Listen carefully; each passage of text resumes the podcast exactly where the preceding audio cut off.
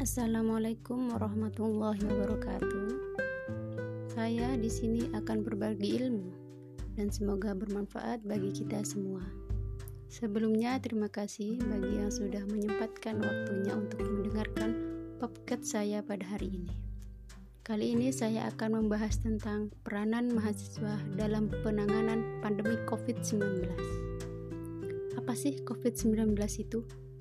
COVID-19 atau Coronavirus Disease 2019 adalah penyakit yang disebabkan oleh jenis coronavirus yaitu SARS-CoV-2 yang dilaporkan pertama kali di Wuhan, Tiongkok pada tanggal 31 Desember 2019. COVID-19 ini dapat menimbulkan gejala gangguan pernafasan akut seperti demam di atas 30 derajat Celcius, batuk, dan sesak nafas bagi manusia.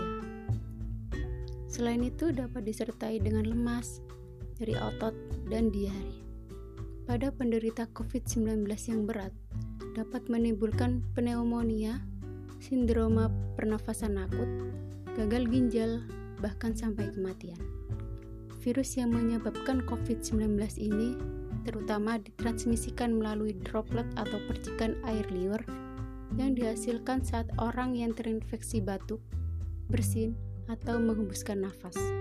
Droplet ini terlalu berat dan tidak bisa bertahan di udara, sehingga dengan cepat jatuh dan menempel pada lantai atau permukaan lainnya. Dengan adanya kasus global ini, pemerintah menghimbau kepada kita semua untuk sebisa mungkin menjauhi kerumunan dan menerapkan physical distancing. Salah satu dampaknya ialah seluruh kegiatan sekolah dialihkan menjadi studi from home, mulai dari TK, SD, SMP, SMA, hingga perguruan tinggi. Berbicara tentang perguruan tinggi, berbicara pula tentang mahasiswa. Bagaimana sih peranan mahasiswa dalam penanganan pandemi COVID-19 ini?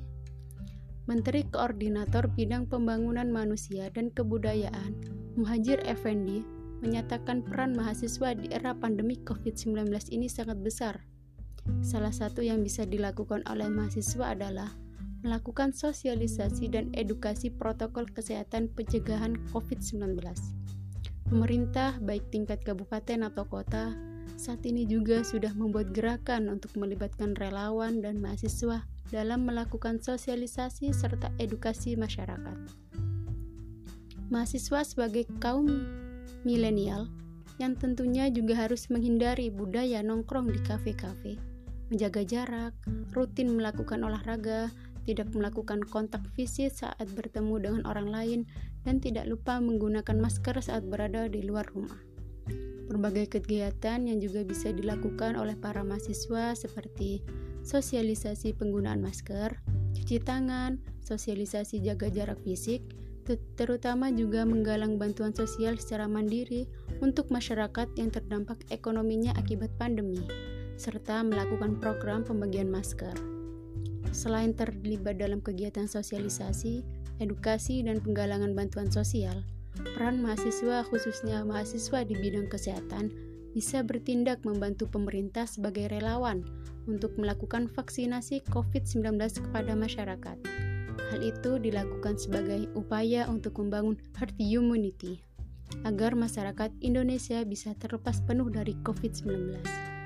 Mungkin itu saja penyampaian dari saya, kurang lebihnya mohon maaf jika ada kata yang salah pada podcast hari ini. Saya pamit undur diri, tetap jaga jarak, tetap jaga kesehatan, stay at home. Terima kasih. Wassalamualaikum warahmatullahi wabarakatuh.